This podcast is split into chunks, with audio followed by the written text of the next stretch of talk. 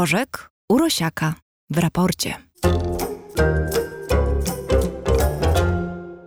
Jest z nami dr Tomasz Rożek, gospodarz kanału Nauka to Lubię i nasz stały współpracownik. Witam cię.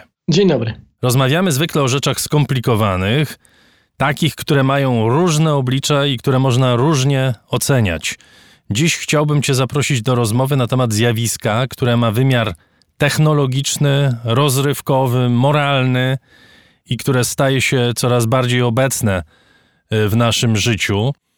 I zastanawiam się też, czy znajdziemy coś na obronę tego zjawiska, o którym będziemy rozmawiali. A jest to deepfake. Powiedz, co to jest deepfake? Ha, to jest dobre pytanie, dlatego że to nie jest do końca opisane, to nie jest do końca określone.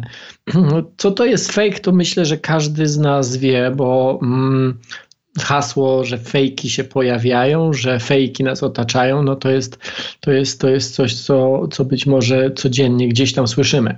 Deepfake to jest połączenie w zasadzie takich dwóch stwierdzeń.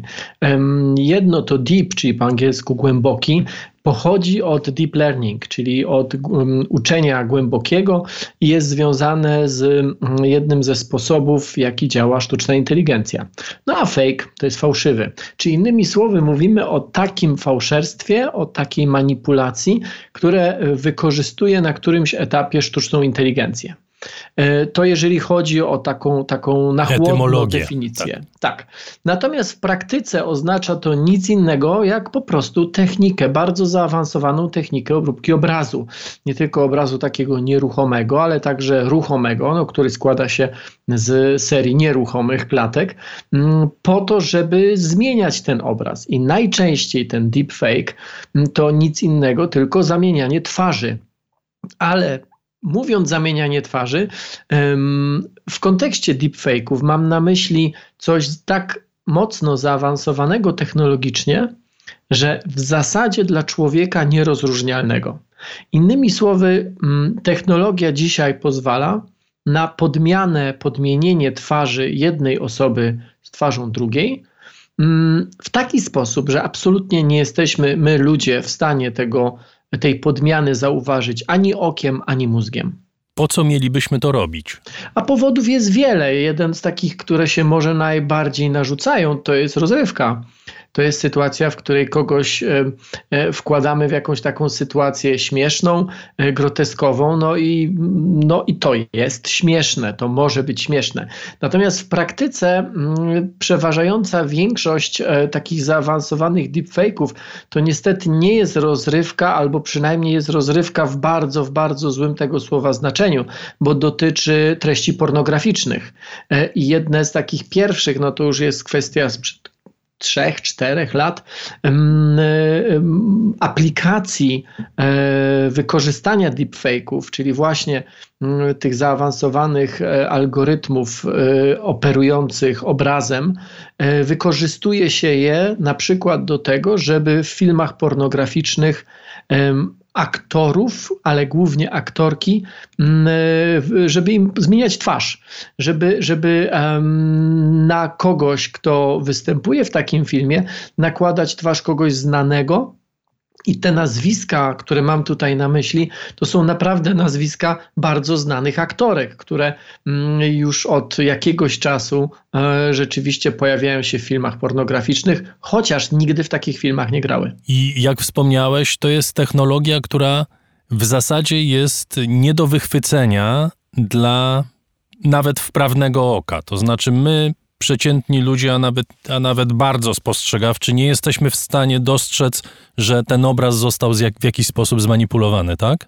Nie jesteśmy tego w stanie yy, zauważyć absolutnie w żadnej sekundzie takiego obrazu. To znaczy, oglądając coś takiego, yy, wszystkie nasze zmysły mówią, że to jest ta osoba.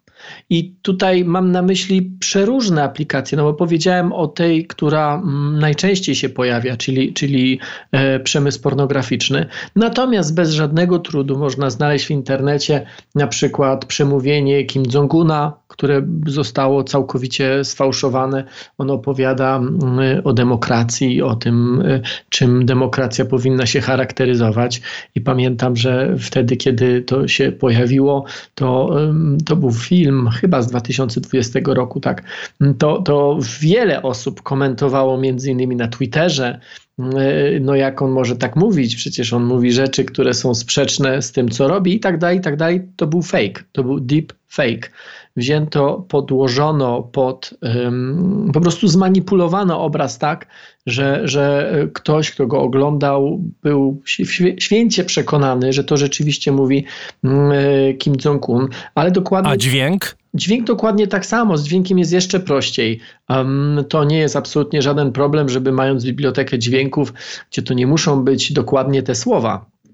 Wystarczy, że się nagra kogoś zdanie, dwa, trzy zdania um, i odpowiedni algorytm jest w stanie wypowiedzieć głosem danej osoby to, co, nie wiem, montażysta albo, mm, bo nie wiem jak nazwać kogoś, kto się deepfake'ami zajmuje, e, napisze na klawiaturze, więc to nie jest absolutnie żaden problem. Dokładnie tak samo mm, e, w, chyba wcześniej, tak, to było z pół roku może wcześniej przed Kim Jong-unem zmanipulowano nagranie mm, z Markiem Zuckerbergiem, szefem Facebooka, ale także na przykład z Tomem Cruzem, z Elżbietą II, z Barackiem Obamą, z Trumpem.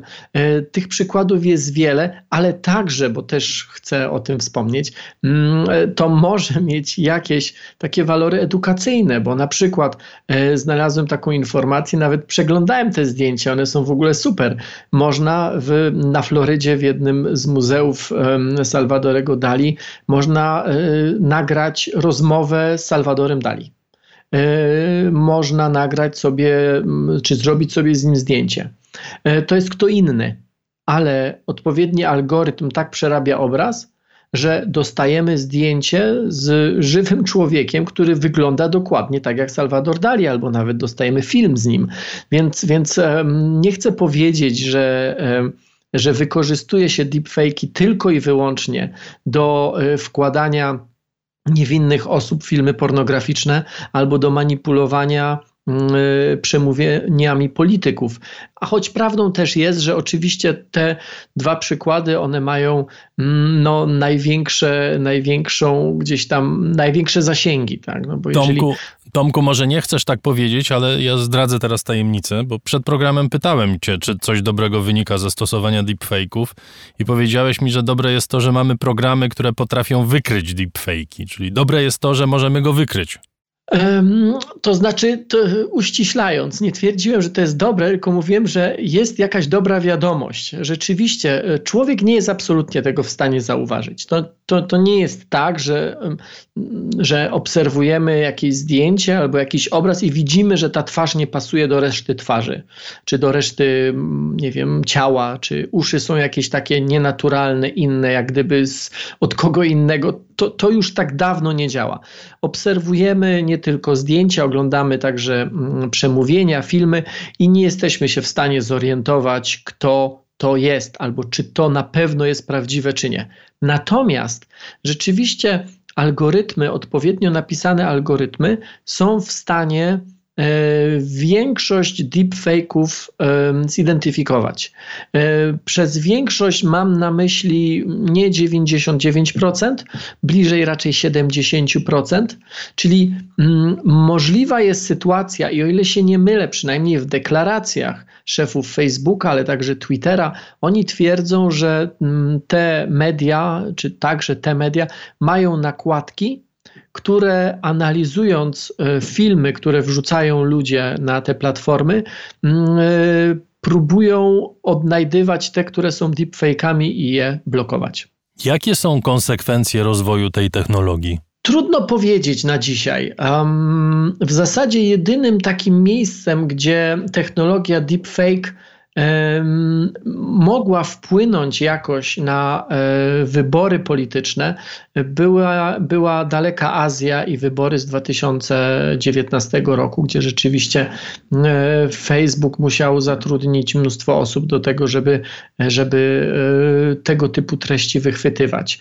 Na pewno w polityce, gdzie możemy w zasadzie niewielkim kosztem stworzyć nagranie polityka, polityka, e, dowolnego polityka, w sytuacjach, w których nigdy nie występował, w sytuacjach może dla niego kompromitujących, włożyć mu w usta słowa, których nigdy nie powiedział, to jest taki punkt potencjalnie bardzo, bardzo groźny, no bo przynajmniej w naszej części świata w krajach demokratycznych, no wszystko się opiera na którymś tam etapie na zaufaniu. Jeżeli teraz zaufanie zostanie e, całkowicie złamane, no to w zasadzie nie wiem, czy mogę powiedzieć, czy to niezbyt duże słowo, ale być może jest tak, że deepfake, gdyby miały się bardzo spopularyzować, to one mogłyby zachwiać podstawą naszego ustroju politycznego. Ale nie popularyzują się, to znaczy ty podałeś kilka przykładów, jest oczywiście ich więcej, y, one są dostępne, jak kogoś to interesuje i może sobie takie przykłady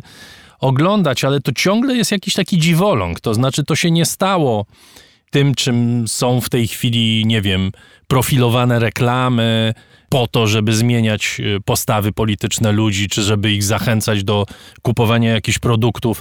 To nie jest powszechnie używane narzędzie manipulacji, nazwijmy to w ten sposób.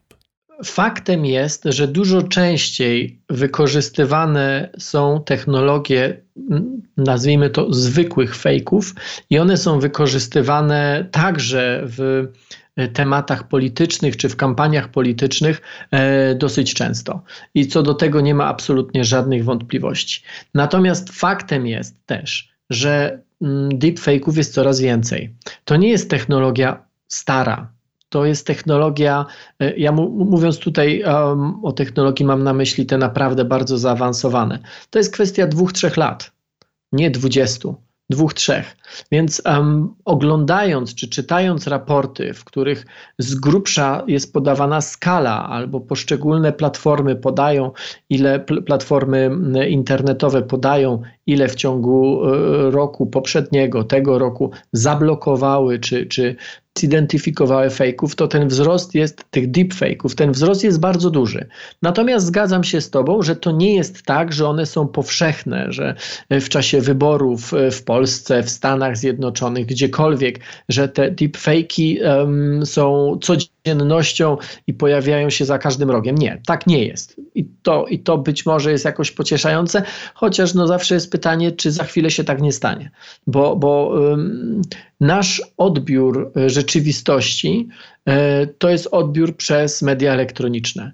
My mamy okulary e, ze znaczkiem Facebooka, Google'a, YouTube'a czy, tego, czy, czy platform tego typu. Więc jeżeli tam zaczną pojawiać się bardzo dobrze spreparowane, zmanipulowane zdjęcia, filmy, ale także wypowiedzi, to obawiam się, że nasz obraz rzeczywistości może być mocno, mocno zafałszowany daleko bardziej niż, niż to, jak jest za, zafałszowany teraz.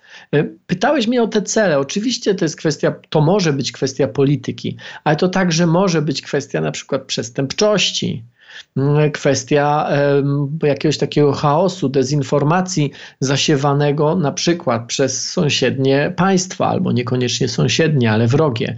Mm, no, dużo łatwiej jest wprowadzić chaos, wypuszczając kompromitujący film w ostatnim dniu wyborów jakiś tam, albo kampanii wyborczej, mm, e, zanim się wszystko wyjaśni, zanim ktokolwiek zablokuje, no to już spora część osób może zmienić swoje preferencje wyborcze, więc tutaj e, potencjał, mówiąc potencjał, mam na myśli tutaj raczej możliwość zagrożenia, jest, jest rzeczywiście ogromny. Bardzo Ci dziękuję. Dr Tomasz Rożek, gospodarz kanału Nauka to Lubię, był gościem raportu o stanie świata i Tomasz wróci w najbliższej przyszłości. Dziękuję Ci bardzo. Bardzo dziękuję. Przy okazji w ostatnich Gwiezdnych Wojnach, czy w Gwiezdnych Wojnach, przecież też są aktorzy, którzy już nie żyją.